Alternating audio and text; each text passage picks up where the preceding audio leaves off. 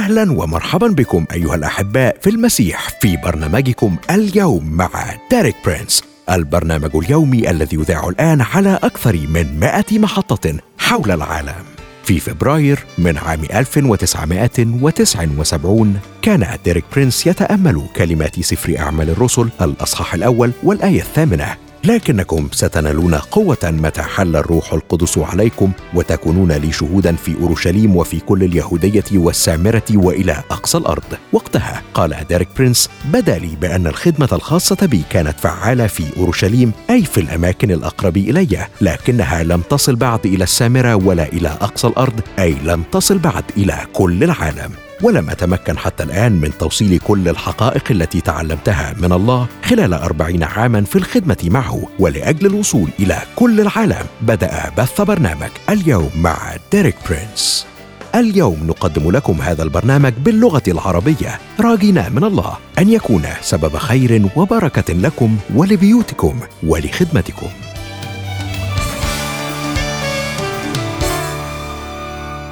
أهلا بيك صديقي المستمع في حلقة جديدة من برنامج اليوم مع ديريك بيرنس معاك أشرف ومريم. إزيك يا مريم؟ أهلا بيك يا أشرف واهلا بصديقنا المستمع.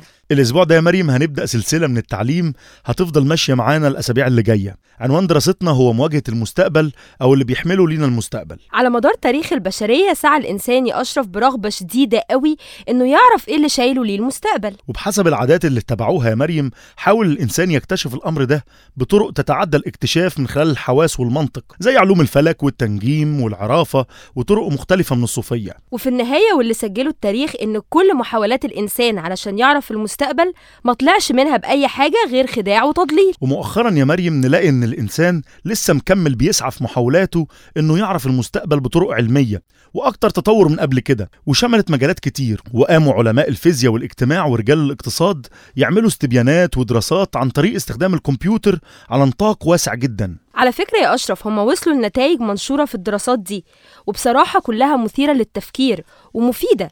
وبالرغم من كده واضح إن في كتير من الأحداث اللي مش متوقعة ومش معروفة ومش ممكن لأي عقل بشري أو نظام إنه يتنبأ بيها واللي ممكن إنها تأثر على الأحداث اللي بتحصل دلوقتي. علشان كده مش هنقدر نثق في الدراسات دي يا مريم. وبكده بيفضل لينا مصدر تالت واللي نقدر من خلاله إننا نبص على المستقبل نظرة أعمق. المصدر ده هو الكتاب المقدس. تعالي الأول يا مريم نخرج نسمع ترنيمة ونرجع نبدأ كلامنا. يلا بينا. مجدوا شخص يسوع يا جميع المؤمنين. فهو الرب من فدانا بدمه الثاني. مجدوا شخص يسوع المؤمنين. فهو الرب من فدانا بدمه الثمين آتي أيضا قالها الحبيب آتي أيضا آتي عن قريب. لا تظن إنني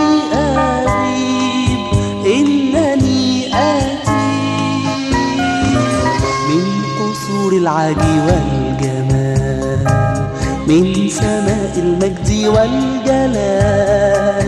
كيما أخطف أحبائي إنني آتي. في السماء تنتهي الأحزان. لا بكاء لا ولا أشجان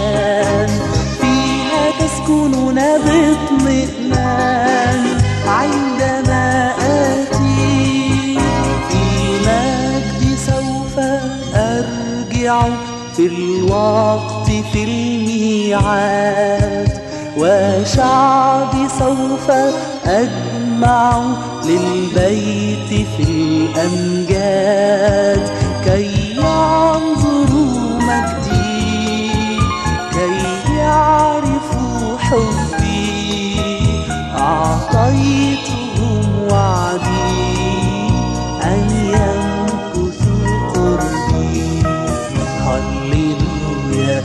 سوف يأتي منهيا أتعابنا بل سيأتي هللويا مكملا أفراحنا ونكون ظهر معه في ديار ربنا.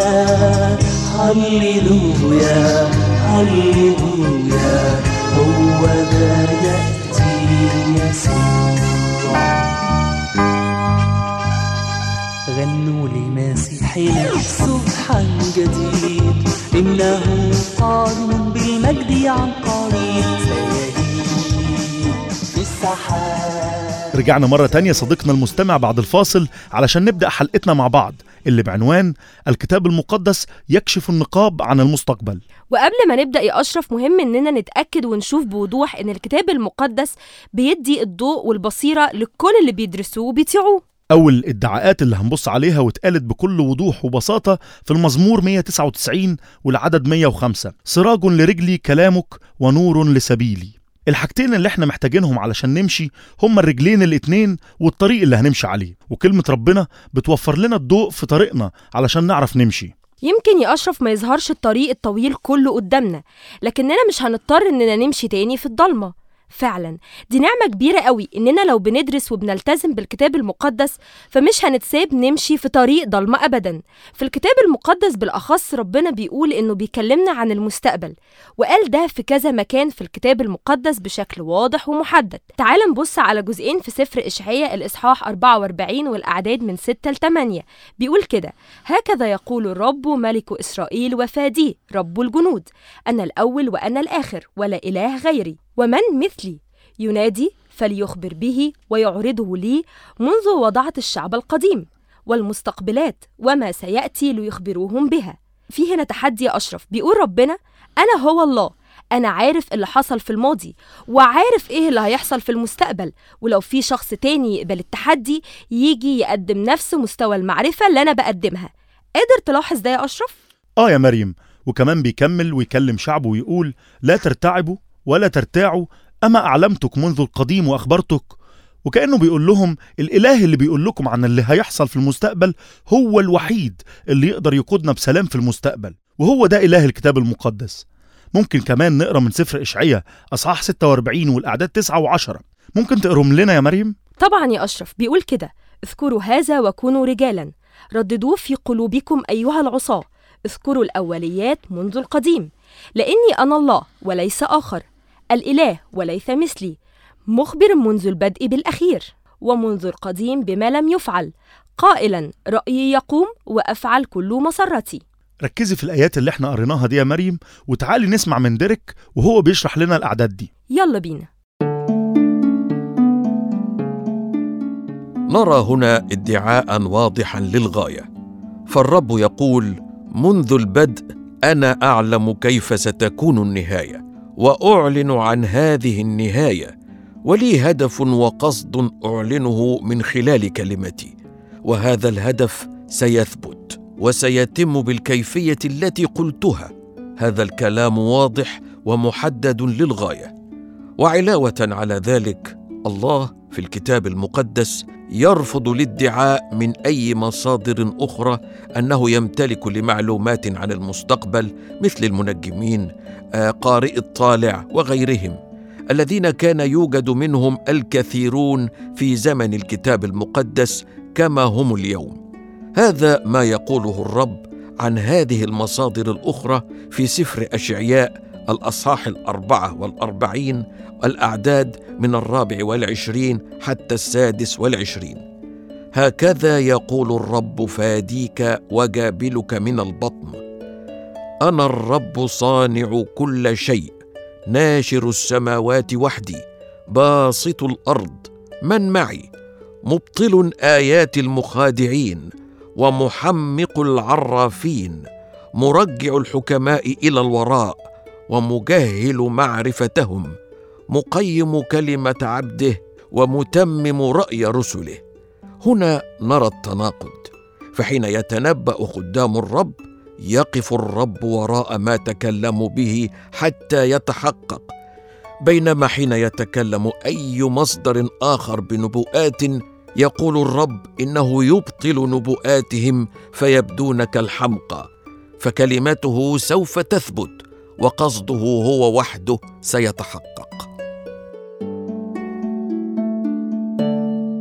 الكتاب المقدس يا مريم مش بس ادعى إنه بيتنبأ بالمستقبل لكن الأهم من كل ده إنه في سجل بيثبت صحة الادعاء ده على مدى قرون كتيرة. فعلا يا أشرف في حاجات كتير الإنجيل اتنبأ بيها قبل ما تحصل بوقت طويل قوي وحصلت بالظبط زي ما قال الإنجيل. مثلا يا مريم حياة يسوع المسيح الكتاب المقدس اتنبأ بكل حدث مهم ومميز في حياة يسوع من خلال نبوات العهد القديم وكلها اتحققت بكل تفاصيلها وبدقة متناهية. وزي ما قلنا الكتاب المقدس مش بس بيتنبأ لكن كمان عنده السيطرة على اللي هيحصل. من ضمن الحاجات اللي اتذكرت في الكتاب المقدس عن حياة يسوع قبل حدوثها ميلاده من عذراء في بيت لحم وهروبه لمصر وإنه هيسكن في الناصرة وإنه هيحل عليه الروح القدس. وخدمته في الجليل وشفائه للمرضى ورفض اليهود لتعليمه ومعجزاته واستخدامه للأمثال والخيانة من صديقه وتخلي التلاميذ عنه. وإن الناس كرهوه من غير سبب وإنه هيدان مع المجرمين. كمان تقسيم ثيابه وعمل قرعة عليها وتقديم خل علشان يشرب لما يعطش وثقبهم لجسده من غير كسر ولا عظمة من عظمه ودفنه في قبر راجل غني وقيامته من الموت في اليوم الثالث. 18 نقطة كان فيها الكتاب المقدس صح جدا في حياة يسوع. تعالى يا أشرف نسمع ديريك وهو بيحكي لينا عن مثال تاني من الكتاب المقدس. المثال الآخر الذي أريد أن أنظر إليه بإيجاز هو أمة إسرائيل تاريخ إسرائيل. النبوءات حول إسرائيل في الكتاب المقدس كثيرة جدا بحيث لا يمكن سردها. يكفي أن نقول إن الكتاب المقدس قد تنبأ بدقة حول مسار تاريخ إسرائيل على مدار ثلاثة آلاف وخمسمائة سنة. وهنا خمسة جوانب محددة من تاريخ إسرائيل. كل ذلك تم التنبؤ به في الكتاب المقدس. اولا امتلاك إسرائيل لأرض كنعان. ثانيا تدمير المعبد الأول والثاني.